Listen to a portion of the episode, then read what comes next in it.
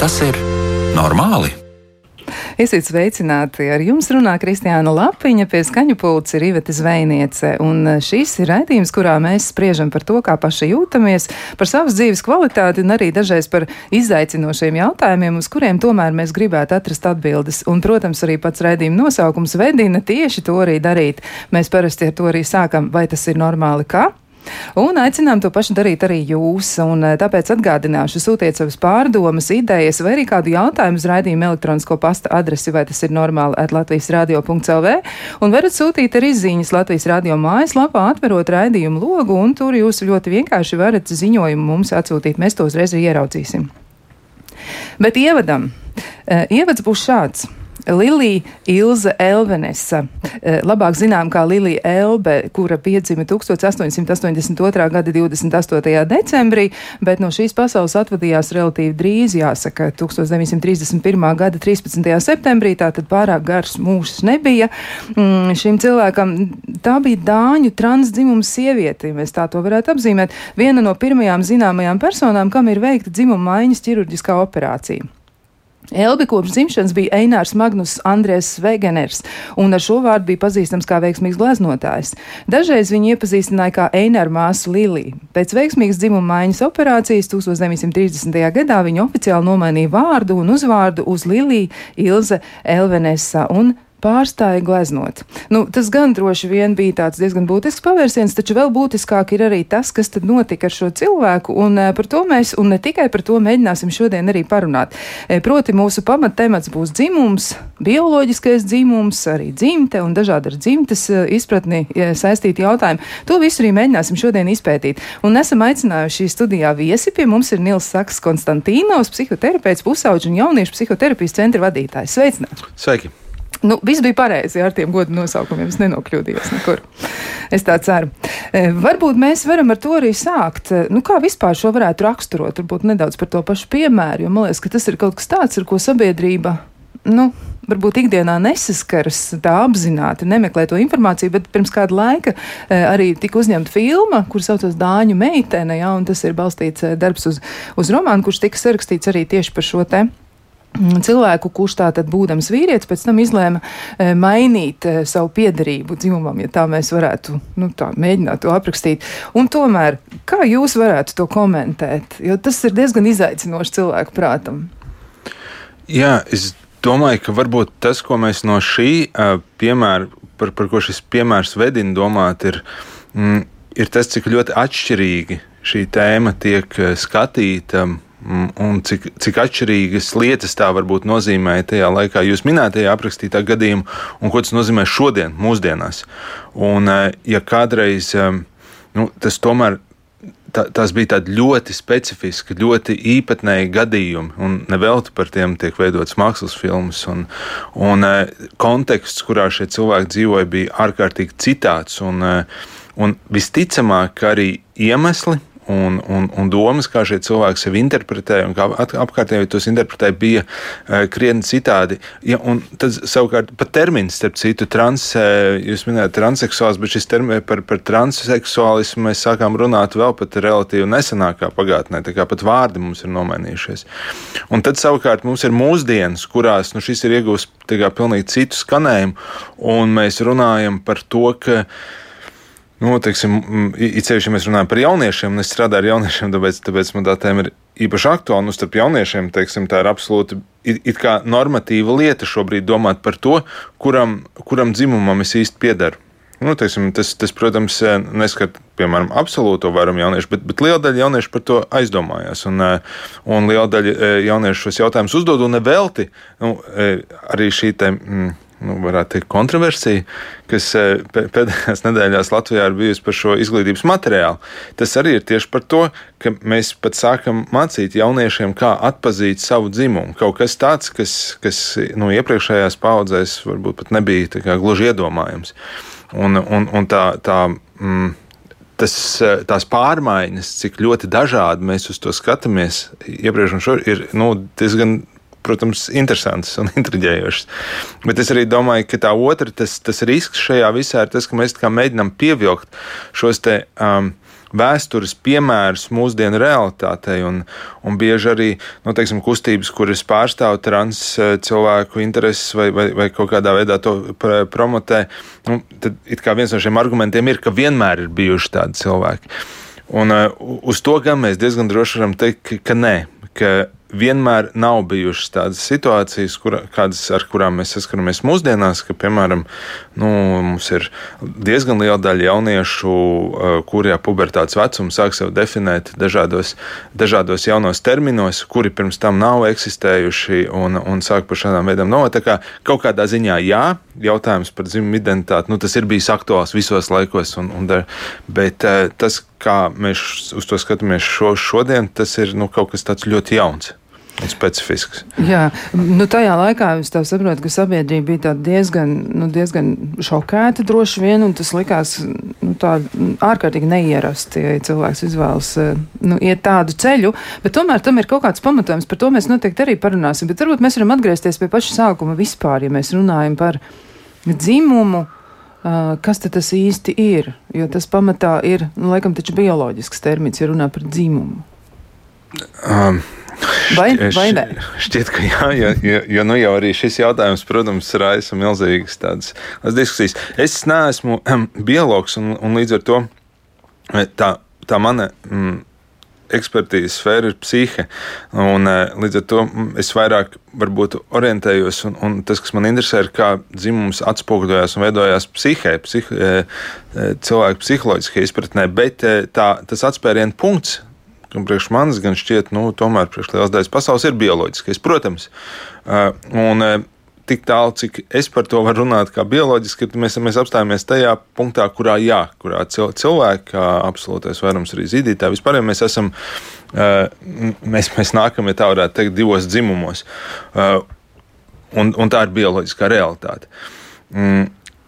Kaut kas ar to notiek pēc tam, protams, kā jebkurā bioloģiskā realitāte atspoguļojas arī mūsu psihē, bet nu, mm, vismaz savā ziņā tas, tas punkts, no kura mēs, jums ir. Nu, uz, uz kaut kā jābalstās. Tas punkts, uz kuru mēs stāvam, ir tas, ka, jā, ka, ka ir, ir mums šāda realitāte. Mēs, mēs, mēs nākam vai nu kā puikas, kā, vai kā meitenes, un tad mēs piedzimstam pasaulē. Mm, viss pārējais jau pēc tam ir, varētu teikt, interpretācijas jautājums. Un šeit vēl viena tāda maza uh, nianses, varbūt reizēm piesauc to, ka, ka mm, ir arī dažādas citas, ne tikai puikas un ne tikai meitenes, jā, absolūti. Mm, tā ir taisnība, ka daži bērni, tas ir ļoti, ļoti neliels procents, iespējams, tas ir, tas ir mazāk nekā viens, un šķiet, ka aptuveni tas varētu būt 0,1, eh, kuri piedzimst ar zināmām novirzēm no normas. Uh, nu, tādā ziņā, ka ir vai nu deformēta dzimuma orgāna, vai, vai nav attīstījusies reproduktīvā sistēma, respektīvi, notikusi kaut kāda kļūda šajās uh, dzimušanās. Bet tieši tāpēc mēs par to runājam, kā par novirzi no normas. Un, un, nu, tas neliek mums domāt, ka, ka, ka dzimums ir spektrs, šis vēl viens termins, ja kā mēs sakām, ka um, dzimums būtu spektrs, nevis, nevis vīrietis vai sieviete, bet spektrā starp vīrieti un sievieti. Nu, nē, jo nu, tas ir tāds, manuprāt, absurds apgalvojums, jo mums, diemžēl, ir arī bērniņi, kas piedzimst, piemēram, ar, ar nēsošiem pirkstiem. Nu, tā, tā reizēm gadās, ļoti reti, bet gadās. Bet tāpēc mēs nesakām, ka cilvēks ir būtne, kuram ir pirkstu skaits ir spektrā no 0 līdz 5 vienai rokai. Tas ir muļķīgi. Nu, tieši tāpat mēs arī droši vien nav vērts teikt mm, par šo bioloģisko dzimumu. Ap citu, tagad arī internetā latviešu vidē ļoti labs raksts parādījies. Mums viens biologs ir, kurš droši vien cilvēki daudz ar to arī saskāršies tieši par šo bioloģisko daļu. Bet savukārt, kas arī ir svarīgi, ka visi tālākais, par ko mēs runājam, Un tas, kas mūsdienās ir, mēs runāsim iespējams par bērniem ar dzimumu disforiju, ar, ar, ar, ar, ar jauniešiem, kas vēlas mainīt dzimumu, ar pieaugušiem, kas to pēc tam izdara. Šeit mēs runājam par cilvēkiem, kuriem nav nekādas normas, novirzes no, no normas, respektīvi, nav nekādas tādas lietas, kur mēs varētu paņemt analīzes un pateikt, jā, šim cilvēkam kaut kas atšķirās no, no citiem cilvēkiem. Absolūti nē, šie ir tieši precīzi tie paši puikas, tieši precīzi tie paši meitenes, bez jebkādām, kā reiz bez jebkādām novirzēm bioloģiskajā e, sfērā. Tas tālākais viss attiecās tikai un vienīgi uz, uz psihes realitāti un uz psiholoģiju. Nu, labi, tad mēs varam pāriet pie tā, kas ir psihes. Um, nu, tā realitāte, e, un tad droši vien mums ir jāizmanto jēdziens dzimte. Uh, Vai mēs to varam lietot? Jo, ja skatās uz tādām nu, nosacīti visiem pieejamām oficiālajām definīcijām, ja, nu, tad es atradu vienu no variantiem, ka dzimta ir kultūras ietekmē veidojušos īpašību kopums, kas nosaka sieviešu un vīriešu uzvedību sabiedrībā. Un šajā gadījumā dzimta raksturo mm, sociāli attīstījušās attiecības starp dzimumiem. Nu, vienmēr sakot, tas vairāk būs par uzvedību, par uztveri, par ko, par ko vēl mēs varam runāt. Ja godīgi mani mulsina nedaudz šī, šī terminoloģija, jo nu, Pirmkārt, mēs par sevi tā nedomājam. Es, es piemēram, par sevi nedomāju, ka man, mana dzimta ir vīrietis. Es tā nu, nekad neteiktu. Jo, jo tad savukārt, kas ir mans dzimums? Mūsu gan valodā, gan domāšanā, jo tomēr cilvēks ir būtne, mēs esam vienlaicīgi gan ķermeniski, bioloģiski, gan psih, psiholoģiski, psihiski būtne. Mūs, mūsos ir savijušās šīs lietas, ir ļoti grūti atdalīt vienu no otras. Un, mūsu bioloģiskā realitāte, kā dzimums, tas ir tas, ko mēs saprotam ar šo te, e, psiholoģisko dzimumu. Jo, nu, principā tas ir tas viens no otra izrietošs. Ja es esmu piedzimis kā puika, kā vīrietis, tad tas ir mans dzimums. Nu, teiksim, ok, pēc tam es varu kaut kā stāties pretim šim dzimumam, vai to nepieņemt, vai darīt vēl kādas lietas, vai mēģināt saprast, ko tas vispār nozīmē. Bet es domāju, ka ieviešot šīs divas kategorijas, dzimumus un dzimtas, ir diezgan, nu, tas ir kā pasaka, ka dzimums kaut kādā ziņā nav saistīts ar, ar, ar, ar bioloģisko dzimumu. Un tas uzreiz uzliek jau virkni citu jautājumu. Ja, tas, ja mans dzimums nav saistīts ar manu bioloģisko dzimumu, tad ar ko tad tas ir saistīts? Eh, un tad mēs nonākam pie tā, ka tas ir saistīts ar, ar pašidentifikāciju. Tas ir kaut kas tāds, kā es jūtos. Un tad mēs atveram durvis veselam lērumam, nu, tādu ļoti absurdu lietu. Jo, piemēram, Kāpēc tieši tikai dzimumu? No, jo mums ir virkne bioloģisko reāliju, ar kurām mums ir jāsadzīvo. Piemēram, vecums. Mēs varam paņemt šādu piemēru. Mums ir savs gadu skaits, tā ir bioloģiska reālija. Tad mēs varētu teikt, ka mums ir bioloģiskais vecums un psiholoģiskais vecums. Bet cilvēki reizēm tieši tā arī saka. Viņi tieši Jā, to arī mēģina. Bet viņi parasti nepieprasa, nu, teiksim, ne, ne, neuzstāja šo. Ne, psiholoģisko dzimumu ierakstīt pasē, piemēram. Mēs, e, nu, un, un starp citu, šī, šī ir reāla lieta, ka mums parādās tādi gadījumi. Nu, pagaidām Latvijā šķiet ne, bet, bet, bet cilvēki mēs varam lasīt par to, ka cilvēki sāk identificēties arī ar citu veidu dzimumu un, un sāk dzīvot, piemēram, es atceros, ar citu Vecumu. citu vecumu un jā. sāk dzīvot šajā vecumā. Nu, restīvi, mums, mums ir kā pazūd, mums ir veidota pasaule un viss pārējais, kurā mēs saprotam, mēs esam piedzimuši vienā dzimumā, vienā no diviem. Tur nav daudz variāciju. Un, uh, un tas ir tas, ko mēs par, mēs par sevi domājam. Tas ir tas, kas psihiatrija strādā kā dzimums. Vai ir nepieciešams ieviest kaut kādu citu terminu? Es, es īsti nesaprotu jēgu. Tāpēc, ka, protams, ka mēs varam uzvesties un, un, un runāt um, atbilstoši sociālajiem priekšstatiem, vēl kaut kam. Bet uh, kāpēc tur jāsauc par citu veidu dzimumu, es īsti ne, nesaprastu. Mm -hmm. Varbūt. Bet kas tad notiek tālāk? Tātad, nu, ja, mēs, ja izējas pozīcija ir tā bioloģija, tad tomēr cilvēks pēc tam nokļūst, nu, starp citiem cilvēkiem, viņš jau ir patiesībā no piedzimšanas brīža un notiek dažādas pārmaiņas. Absolūti. Un eh, cilvēks ir piedzimis ārkārtīgi sociāli būtne. Mēs nevaram izdzīvot ne sekundi, piedzimstot paši. Un, un, un principā viss dzīvums veidojas tikai citu cilvēku miedarbībā. Un, eh, mēs varam paraudzīties to, kā notiek bērna attīstība. Un bērns piedzimstot, viņš ir tas, nu, ko mēs psiholoģijā saucam, nediferencēta būtne. Viņš īstenībā neizšķir sevi no, no, no apkārtējās vides. Un e, tie, tie pirmie dzīves mēneši un gadi paiet kaut kā saprotot, viens saprotot, ka es un māma mēs neesam viens pats, un tad kaut kas vēl ir apkārt un vēl kaut kas. Un tad pienāk kaut kāds brīdis, kurā, saka, kurā viena daļa no tās realitātes, kas man jāintegrē, ir mans ķermenis.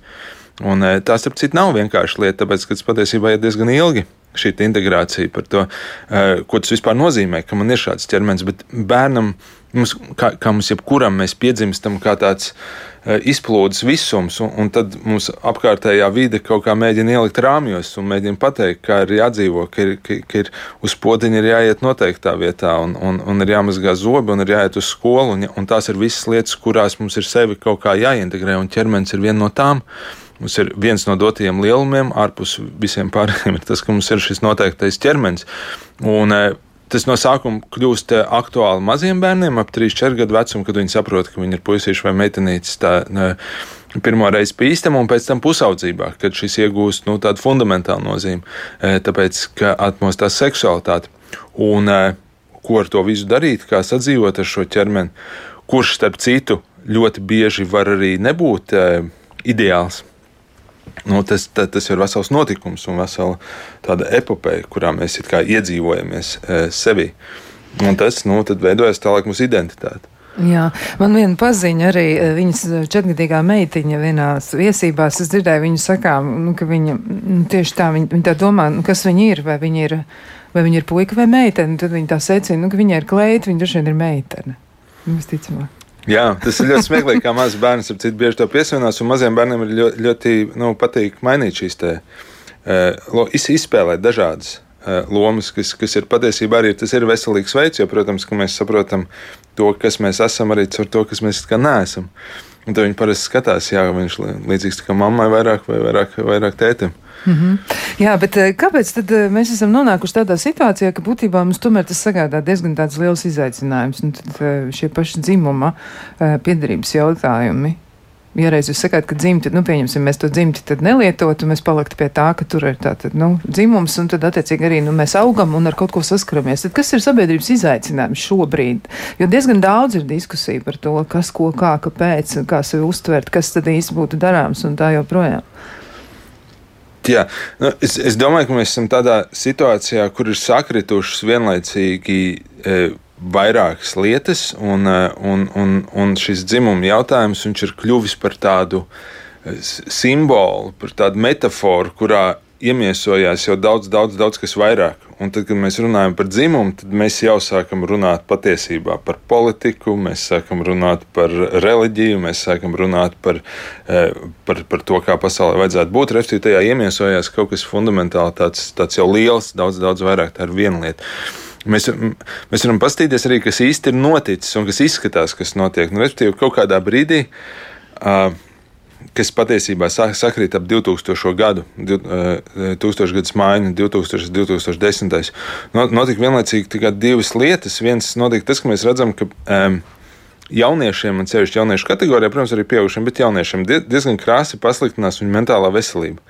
Tas, kā jaunieši atbild un novērtē savu dzīvi, tas, tas ievērojami samazinās. Un, un principā pieaug visa veida jauniešu mentālās veselības problēmas. Pieaug depresijas, pieaug trauksmes, pieaug ēšanas traucējumi, piemēram, meitenēm. Un šī līkne, viņa Covid laikā vēl ārkārtīgi pieaug, bet principā viņa ir visu laiku bijusi augšu pejoša. Tur ir visādi minējumi, kāpēc. Viens no minējumiem, ja mēs skatāmies tieši to laika posmu, ah, un starp citu, kas ir interesanti, lielākais pieaugums ir meitenēm.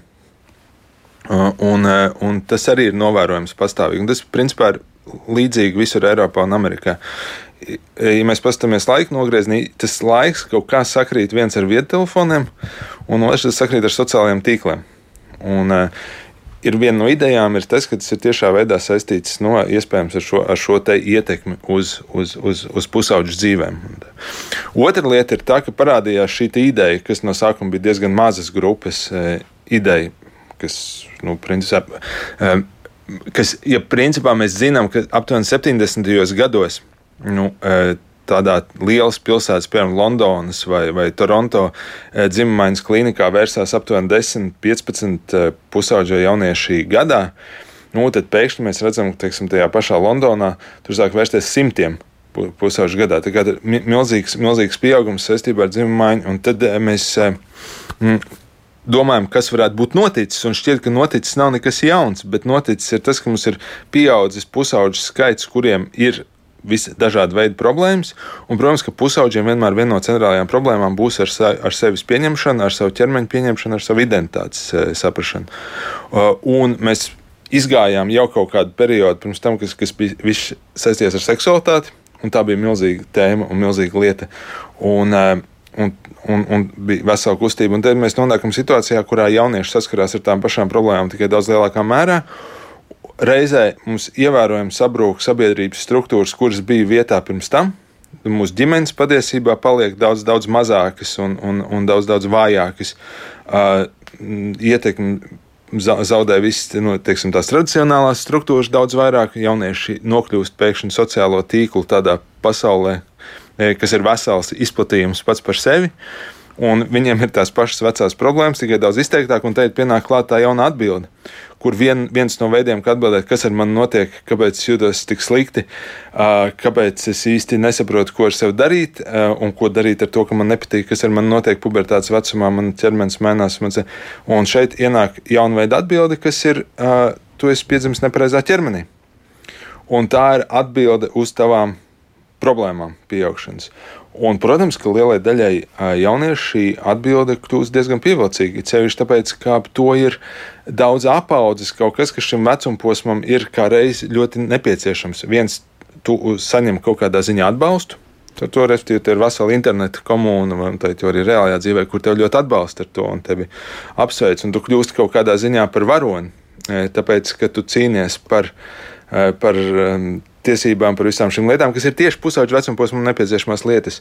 Un otrs, tu dabūji kaut kādu skaidrojumu savām, savām dzīves problēmām, un reizē arī risinājumu. Tāpēc, ka šai idejai galā ir risinājums. Tas nav tā, ka, ka tev mamma vai skolotājs vai psihoterapeits teiktu, jā, šī ir pubertāte, tas tā ir, mēs visi tam esam gājuši cauri. Tas kaut kādā brīdī beigsies, tev ir jā, jā, nē, nē, nē, nē.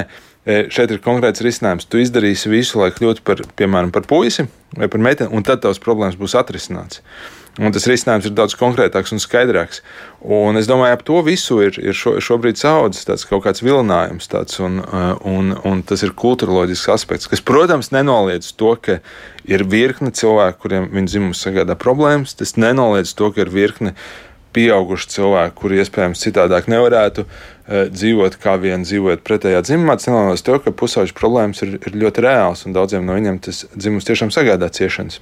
Bet tas, ka tas tiek interpretēts šādā veidā, es domāju, tā ir mūsu laikmeta un tieši šī konkrētā brīža uh, īpatnība. Vai ir kaut kāda pētījuma, kas eh, nu, ļauj salīdzināt to, kā, kas kaut kur ir noticis? Es iedomājos, pieņemsim, Āzija, nu, tā, kaut vai Japāna, nu, viņi ļoti, ļoti strauji attīstīties tehnoloģiski. Tas jau ir tāds, nu, skaidrs, saprotams, tas liels atšķirības ir bijušas vienmēr, bet, ja salīdzina ar Eiropu, nu, viņi arī daudz ātrāk nonāca pie, eh, nu, tehnoloģiju lietojuma, kas ir pieejams visiem, bet kas ir ļoti, ļoti, nu, tāds aktīvs, tīpaši sociālajie tīkli.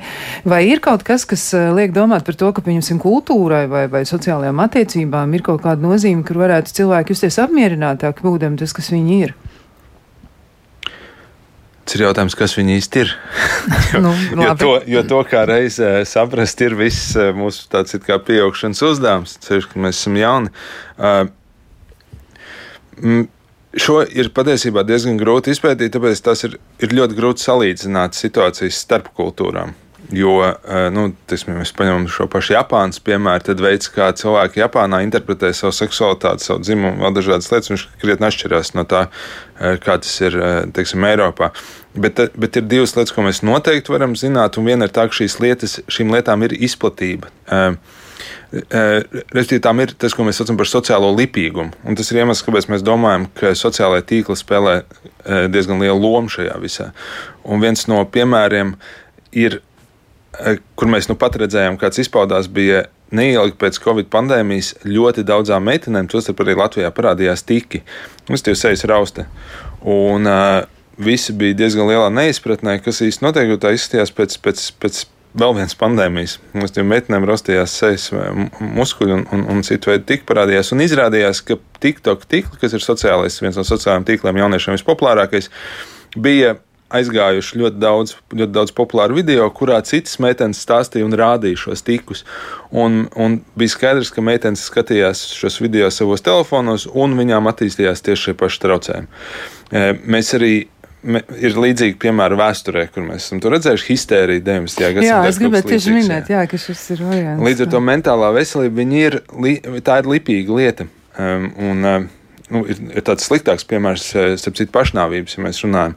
Ir tikai viena lieta, ja mēs runājam par jauniešu pašnāvībām un skolu pašnāvībām, tad ir absolūti viena lieta, kas nosaka, vai šajā skolā notiks vai nenotiks pašnāvība. Tas ir tas, vai kāds tur iepriekš izdarījis e, pašnāvību. Jo skolā, kurā kāds jaunietis izdara pašnāvību, ir vairākus tūkstošu reižu lielāka iespēja, ka tur atkārtosies šis notikums. Un es tam ir milzīgi. E, jauniešu psihikas ir ļoti savienotas, viņi ļoti iet, ietekmējās viens no otra. Nu, līdz ar to tas ir viens no iemesliem, kāpēc mēs domājam, ka iespējams šim šai tēmai arī ir ļoti liels sociālais nu, izplatības. Tas bija viens no argumentiem, kāpēc es un varbūt vēl kāds cits speciālists mēs argumentējam, ka būtu jābūt ļoti uzmanīgiem par to, kā mēs skolās par to runājam. Tieši šī iemesla dēļ, ka mēs nevēlamies nu, veicināt iespējams šo te, um, izplatību kaut kādā ziņā nevēlam. Otra lieta, ko mēs redzam, ir vienkārši, ka pieaug skaits.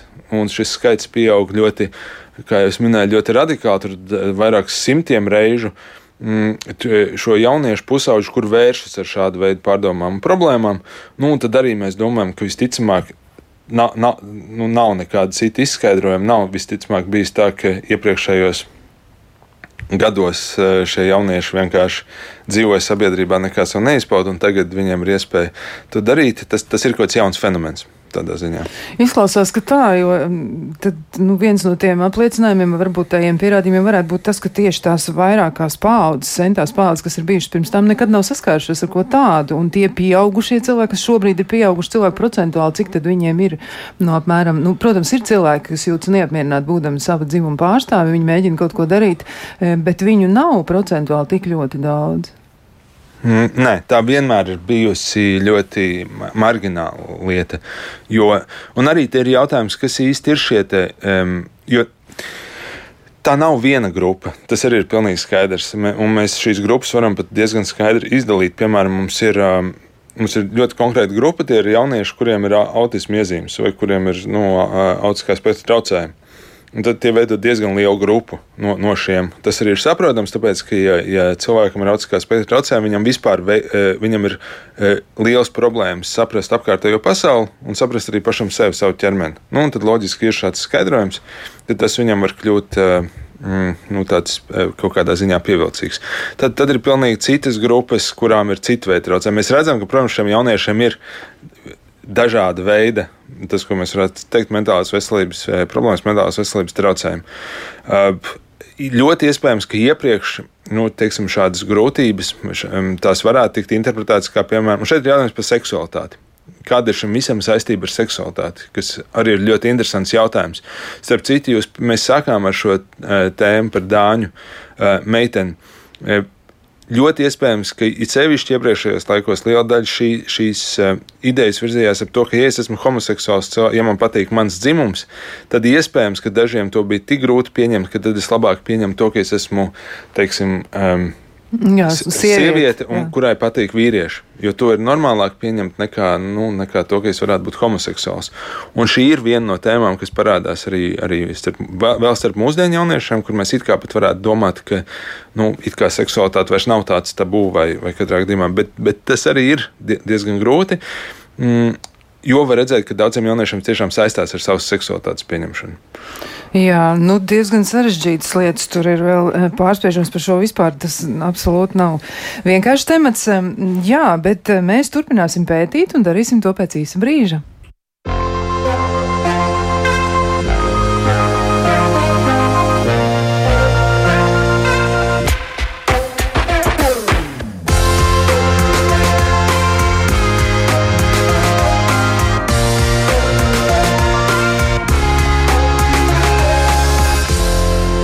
Tas ir normāli? Mēs turpinām sarunu par eh, dzimumu un arī par dzimumu saistītiem jautājumiem un aicinām iesaistīties klausītājus. Mums jau ir klausītāju jautājumi arī un tad komentāri. Mēs noteikti arī tos iekļausim e, savā sarunā un izpētīsim, kas tad e, par to būtu sakāms arī mūsu studijas viesim. Bet klausītājiem vēl atgādinu, tiešām neaizmirstiet, e-pasta adrese ir vai tas ir normāli, Latvijas radio.lv un arī varat izmantot ziņojumu logu Latvijas radio mājaslapā. Un ja jums gribas vēl e, klausīties kādu raidījumu, kurš jau ir nonācis nonācis arhīva krājumos, tad noteikti jūs to varat izdarīt. Ļoti vienkārši atrodiet arhīvu, un Latvijas Rādio 1 jums piedāvās ļoti daudz un dažādas tematus, kas būs zem šī nosaukuma, vai tas ir normāli. Bet šis ir tas jaukais brīdis, kad man ir jāuzdod jautājums studijas viesim.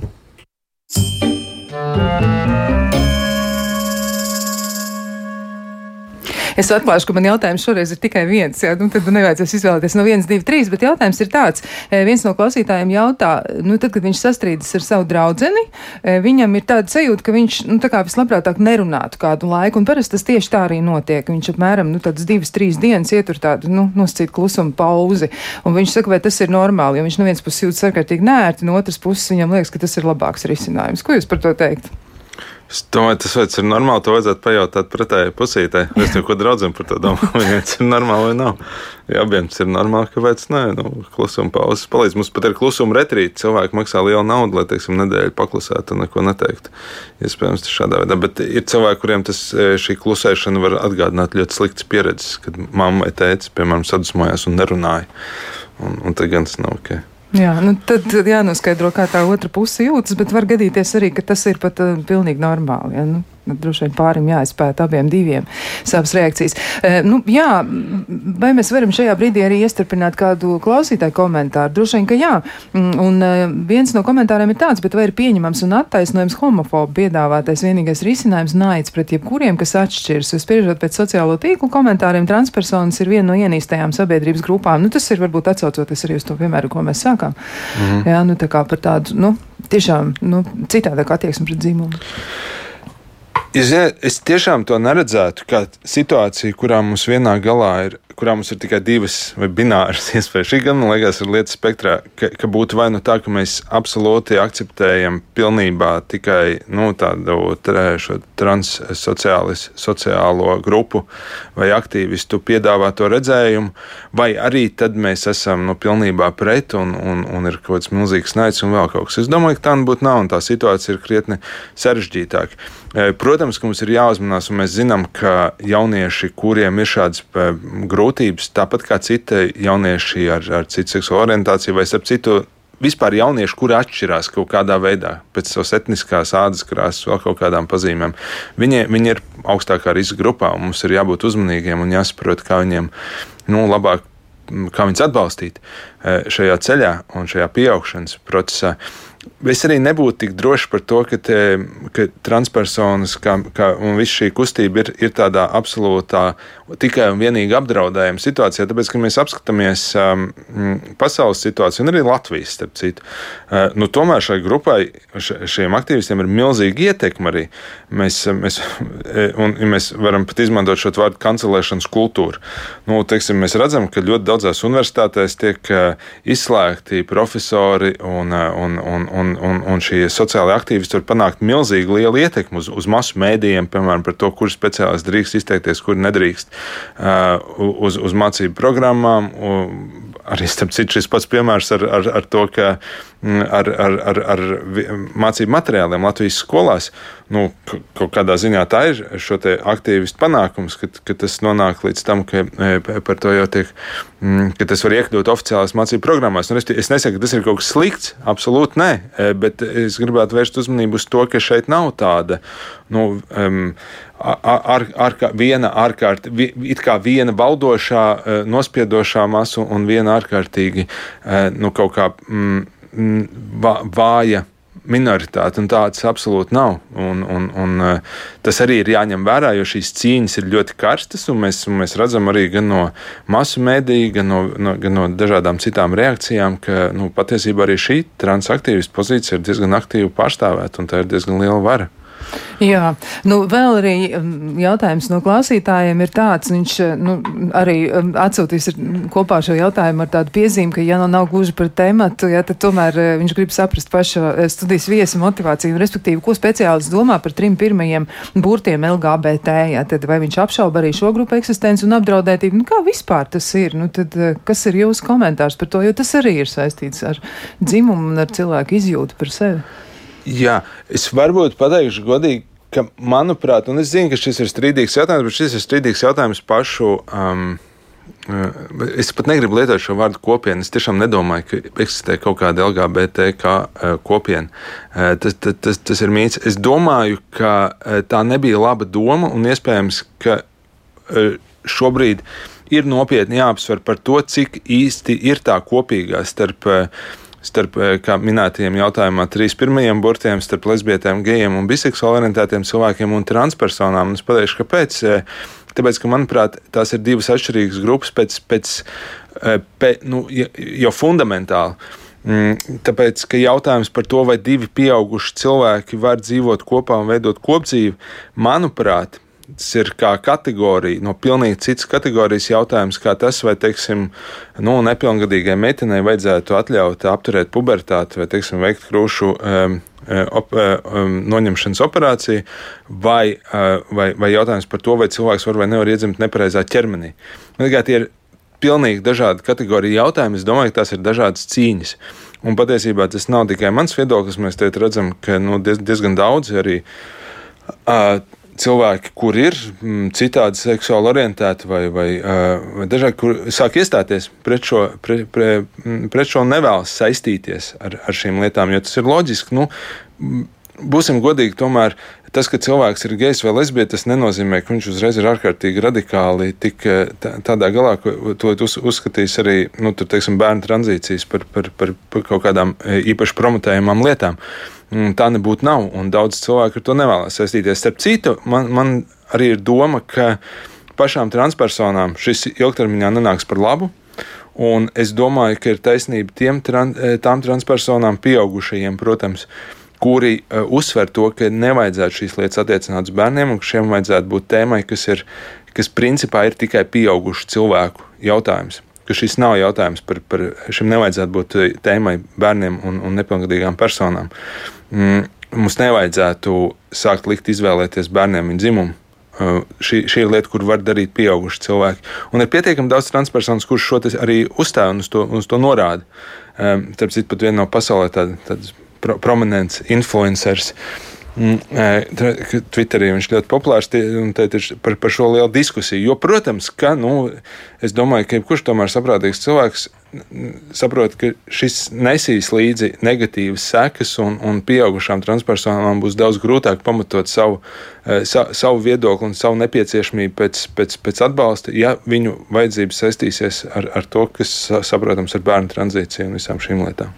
Jā, nu vēl arī ir eh, tāds jautājums par to, piemēram, par kultūrām, ja, kur, kur, kur tiešām ļoti atšķiras eh, nu, tas kultūras fundaments, uz ko balstās visa izpratnē arī par dzimumu. Piemēram, piemēram, ko viesis saka par Irānu, kur vienīgais oficiālais dzīvesveids gejiem ir atzīts mainīt dzimumu. Es, es neesmu droši par to, vai tas tā tiešām ir, bet es pieņemu, ka, nu, ja klausītāji raksta, tad nu, ir kaut kāds pamats uzdot šādu jautājumu. Es domāju, mans pieņēmums, ka tas, ko e, klausītājs domā, ir, ka Irānā ir, e, kā daudzās islāma valstīs, ir aizliegts homo, ir aizliegta homoseksualitāte un tā tiek sodīta ar nāvi, tāpēc, tāpēc teorētiski um, Es tā iztēlojos, teorētiski tas viens no veidiem, kā varētu šādu dzīvi veidot, būtu mainīt dzimumu, un es to stipri apšaubu, tāpēc, ka homoseksuāls vīrietis, piemēram, eh, viņš neizvēlēsies mainīt dzimumu. Eh, Tā, nu, absolūtā vairumā gadījumu. Tāpēc tā, protams, ir ļoti sarežģīta un briesmīga situācija. Es gribētu atgādināt, ka šajās valstīs, piemēram, arī sievietēm par laulības pārkāpumu ir tieši tāds pats sots. Nu, Respektīvi, tur seksualitāte tiek vispār daudz, daudz stingrāk regulēta. Nu, reku, šis ir tas brīdis, kad mēs varētu arī parunāt par nu, seksualitātes nu, apusējo saistību ar dzimumu. Jo tas noteikti arī ir kas tāds, kas ir, nu, nu, vismaz liela daļa cilvēku savus priekšstats ir balstījuši uz arī šo te pieredzi, gan savējo, gan arī tādu, nu, tā priekšstatu par to, kā tas ir. Jā, Vispār šeit šovakar runājot, es saprotu, ka šajā tēmā nav neviena lieta, kur nebūtu ārkārtīgi jutīga vai potenciāli kontroversāla. Visticamāk, ka tā ir. Jā. Es domāju, arī šī noteikti nebūs vienīgā un pēdējā saruna, un iespējams ne tikai ar jums kā studijas viesi, bet arī vēl ar kādiem citiem ekspertiem. Mums jo, būs par to jāparunā. Jā, absolūti. Um, skaidrs, ka dzimumam ir viena no vislielākajām nozīmēm saistībā ar seksualitāti. Un tāpēc tas eh, vispār iemesls, kāpēc mums ir dzimums, kāpēc mums ir šie divi dzimumi, ir, ir, ir saistīti tieši ar turpināšanos. Tam ir evolucionārs iemesls. Tas ir tas, kā, kā mēs vērojam. Nu, mēs kā suga mums ir dzimuma vairošanās. Jā. Un, un tāpēc mums tā ir divi dzimumi. Uh, Bet eh, no otras puses, es zinu arī, ka eh, pretējās puses kolēģi eh, un, un, un, un transaktīvisti ļoti, aktīvi, ļoti uzstāj uz to, ka dzimuma identitāte nav tas pats, kas seksuāla identitāte, un mēģina nošķirt šīs divas lietas. Tur ir kaut kāda taisnība, bet manuprāt, ne īsti. No psiholoģijas viedokļa, protams, ka bērnam vispirms attīstās dzimuma identitāte, un tikai pēc tam viņam attīstās viņa seksualitāte. Un, restīvi, mums ir jābūt kaut kādā dzimumā, lai lai, lai mēs varētu sākt domāt par, par, par seksuālām izpausmēm. Uh, un mēs arī savu seksualitāti definējam attiecībā pret savu dzimumu. Vai man patīk pretējā dzimuma cilvēki, vai man patīk mana dzimuma, vai man patīk abi, un, un tā tālāk. Mums jau nav iespējams pat atrast savu seksualitāti, ja, mums nav šī dzimuma identitāte. Bet tas, ko es redzu uh, kliniskajā praksē, kas patiesībā ir, ir novērots arī pētījumos, ir ceļš, ja mēs runājam par jauniešiem, viņiem kā reiz izskatās, ka šī dzimuma identitātes nobriešana ir apgrūtināta, un līdz ar to arī neattīstās īsta seksualitāte. Restīvi, viņa seksuālā dzīve parasti vai, vai nu nav, eh, vai, vai nu neattīstās, vai arī tā ir nu, tas, ko mēs saucam par diezgan haotisku. Un viņiem ir grūti atrast eh, šo savu eh, seksualitāti pārsvarā gadījumu. Nu, protams, tas arī loģiski saprotams, ja man ir grūtības apzināt savu dzimumu identitāti, man ir grūti arī saprast savu seksualitāti. Tagad tās kaut kādā ziņā, manuprāt, tās tomēr ir ļoti cieši saistītas tēmas, un, un, un būtu grūti iztēloties tādu situāciju, kurā cilvēkam ir absolūti skaidra e, un veselīga e, seksualitāte, bet, bet, ir, bet ir mm, ļoti apgrūtināta dzimuma identitāte. Nu, Respektīvi, tas ir. Starp citu, kāpēc tas arī ir svarīgi? Mm, tāpēc, ka, ja mēs paskatāmies nedaudz atpakaļ pagātnē, e, un tas nedaudz būtu aptuveni 90. gadi un 2000. Mm, no, ir, ir tāda tēma, par ko daudz tiek diskutēts, pubertātes bloķēšana, nu, kas varbūt dzirdama, un tā ir viena no lietām, ko piedāvā šiem pusauģiem. Mm, ar ideju, ja mēs apturam pubertāti, viņam neattīstās viņa dzimums, un tad viņš var vēlāk vieglāk pārtapt kā pretējā dzimumā. Tas, ko mēs redzējām no pirmajiem pētījumiem, kas vispār ir bijis diezgan uzskatām, ir tas, ka um, ja mēs skatāmies konkrēti uz zēniem, tad absolūtā vairumā šo te, uh, zēnu puišu, kas vēlējās kļūt par meitenēm, tie bija, uh, tie bija homoseksuāli orientēti puiši. Un tas ir viens no galvenajiem argumentiem uh, pret šīm intervencijām, ir, ka patiesībā šī ir diezgan radikāla konversijas terapija.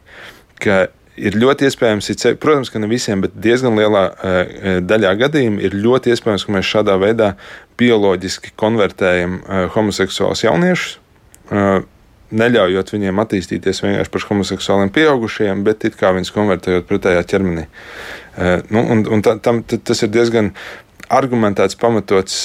Mm, tāds, tas ir labs arguments, tāpēc, ka mēs skatāmies uz bērnu dzimumu disforijām, kur ir, piemēram, kas ir 2, 3, 4 gadu vecumā, tad principā mēs redzam, un tas ir biežāk zēniem, tāpēc mēs runājam par zēniem, mēs redzam, ka ir ļoti liela izteikta procentuāla varbūtība, tur 80, 85% parasti šie zēni izaug par viņi pārstāja vēlēties būt sievietes, meitenes, viņi dzīvo kā vīrieši, bet viņi ir homoseksuāli vīrieši. Tikai šai, šai tēmai ir milzīga sa, sa, saikne ar seksualitāti. Bet eh, vispār kā pētījumi, nu, kādus datus piedāvā par to, ka cilvēki apjēdz to, nu, ka viņi ir iespējams nu, negluži mierā ar to savu dzimumu pārstāvniecību. Vai tas ir kaut kas tāds, par ko mēs varam runāt kā par tādu apjausmas mirkli, kas ir vairumam, jeb, jeb tas ir nu, absolūti neparedzējami. Katram cilvēkam tas būs tomēr citādi. Var izšķirt uh, kaut kādas daļas, jo, jo tāda. Tā, Mums vienmēr ir, un arī vēsturē ir bijusi zināma neliela daļa tā, tās bērnu dzimuma neskatības gadījumu, kas parasti sākas ļoti, ļoti agri. Un, principā, tas sākas jau diviem, trīs gadiem, un tas pārsvarā ir, ir, ir zēni. Iespējams, ka tas patiesībā ir puses pusi. Iespējams, ka tās ir arī meitenes. Vienkārši meitenes parasti neizraisa tādas. Nu, vecāku varbūt eh, bažas, jo ja, ja zēns ģērbjas eh, kleitās, tā ir lielāka problēma nekā ja meitene rāpjas kokā, piemēram. Nu, tāds.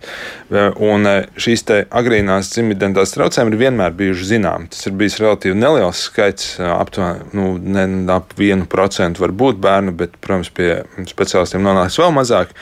Latvijā tie bija ap diviem, trīs bērniem gadā.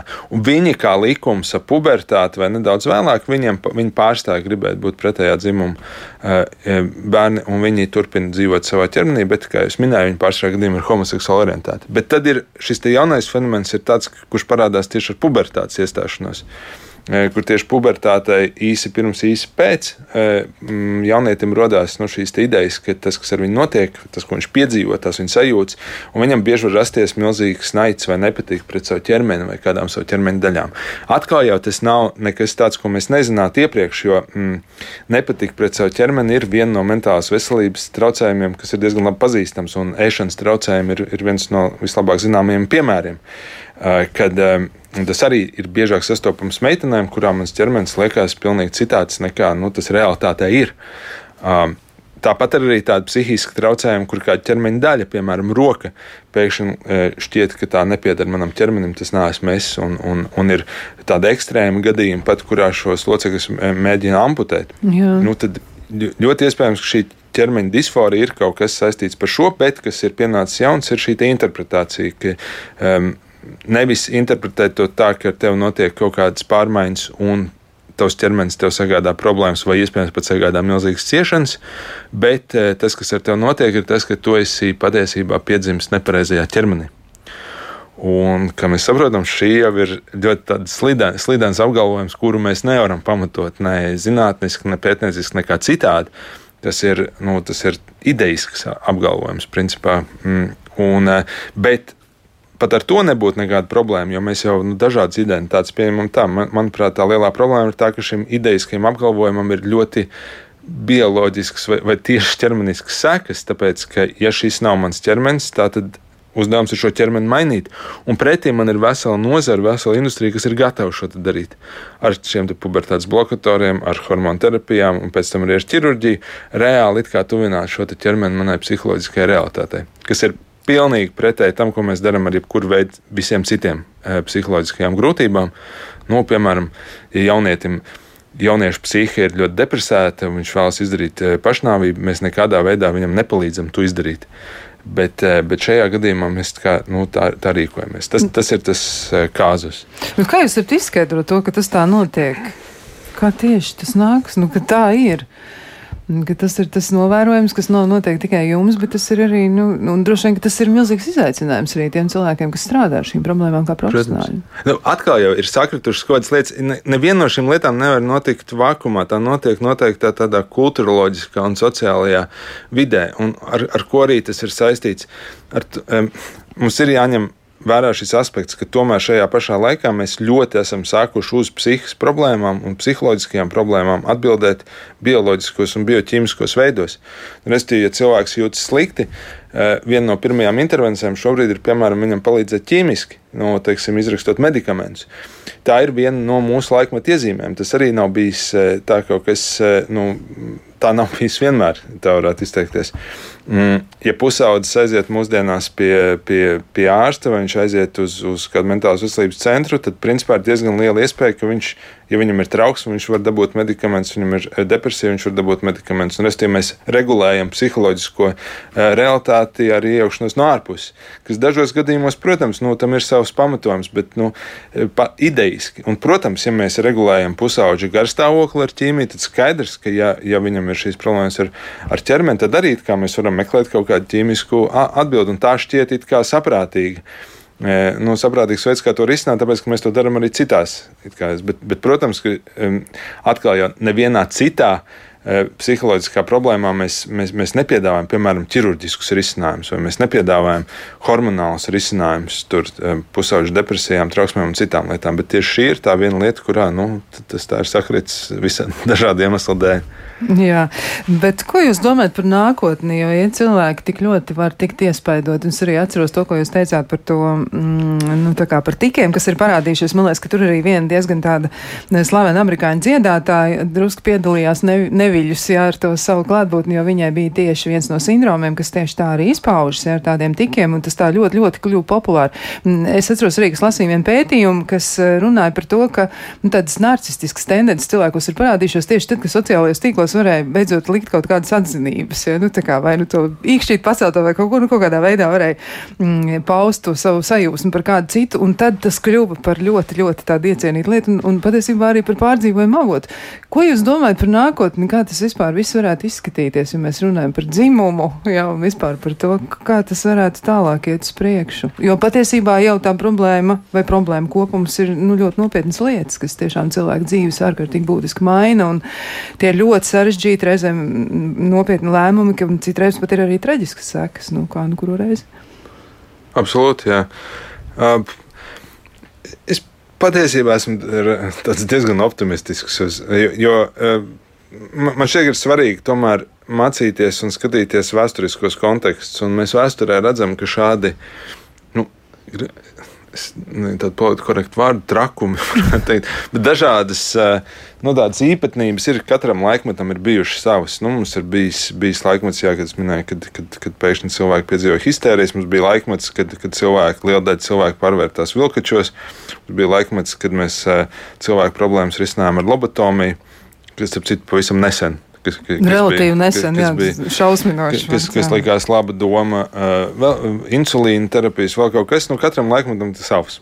Un es domāju, ka šis tiešām ir, ir mūsu laikmets savs, bet uh, bija idejas sākumā, nu, ka tas viss iet uz to, ka cilvēks sāks bezgalīgi sev mainīt un, un, un, un kļūt kaut kādi. Un, un, un, un, bet, manuprāt, tas tomēr tā nav. Tāpēc, ka uh, it sevišķi mēs arī redzam pēc pašreizējām tendencēm. Tas nav tā, ka šī ideja būtu kaut kā pārņēmusi pasauli un viss būtu tādos vienos vārtos kaut kādā ziņā. Absolūti nē, tam bija savs uzrāviens un teica, tas sāk noplakt un lielā daļā. Mm, pasaules, nu, tu sāk arī ierobežot. Jo man šķiet, ka tomēr cilvēkiem ir nu, tāds. Tas, tas dabi, e, negribas lietot to vārdu dabiskais, bet tāds nu, kaut kāds racionālais, pragmatiskais saprāts, viņš jau tomēr uzvar ilgtermiņā. Jo nu, mēs saprotam, ka šīs visas tomēr ir bijušas problemātiskas izpausmes. Tas, e, t, t, t, tas nav nekas. Tas nav vēl viens veids, kā dzīvot dzīvi. Tas ir nu, problemātisks veids, kā dzīvot dzīvi. Un, uh, Un, un to arī var redzēt pēc sabiedrības atbalsta. Nu, pat Lielbritānijā iznāca jaunākie dati. Lielbritānija ir tāda liberālākā vieta, kur šīs eh, un mēs redzam, ka notiek arī interesanti tendence ar cilvēku, kas vien vairāk akceptē, piemēram, vienzimumu laulības un pāris, un, un samazinās diezgan ievērojami atbalstu transpersonu šīm aktivitātēm. Tā kā, mm, Es domāju, ka tā kā tas ir uzgājis, tad tas arī visticamāk kaut kādā brīdī diezgan drīz arī pāries, un, un, un visas pazīmes par to liecina. Liecieši arī tas, ka mēs par to runājam, piemēram, šobrīd. Jā, nu tā tad, bet būs jau gan jau nākotnē vēl par ko runāt, un es domāju, tiešām šī saruna par eh, dzimumu vai par cilvēku izjūtu, kā tad viņi jūtas būdami viņi vai viņiem ir izjūta, ka viņi nav gluži viņi. Nu, par to noteikti mēs runāsim arī vēl. Mm, paldies, saku studijas viesim Nilam Saksam Konstantīnovam, psihoterapeitam, pusauģu un jauniešu psihoterapijas centra vadītājiem. Lielas paldies arī Ivetē Zvejniecei, kur rūpējās par skaņu, un milzīgs paldies, protams, arī klausītājiem, kuri sūtīja savus jautājumus un eh, nu, tiešām centās aktīvi piedalīties mūsu raidījuma veidošanā. Mēs ar jums tiksimies atkal kādā citā reizē, lai jums eh, izdevusies nākamā nedēļa, un tad jau uz sadzirdēšanos. Visu labu!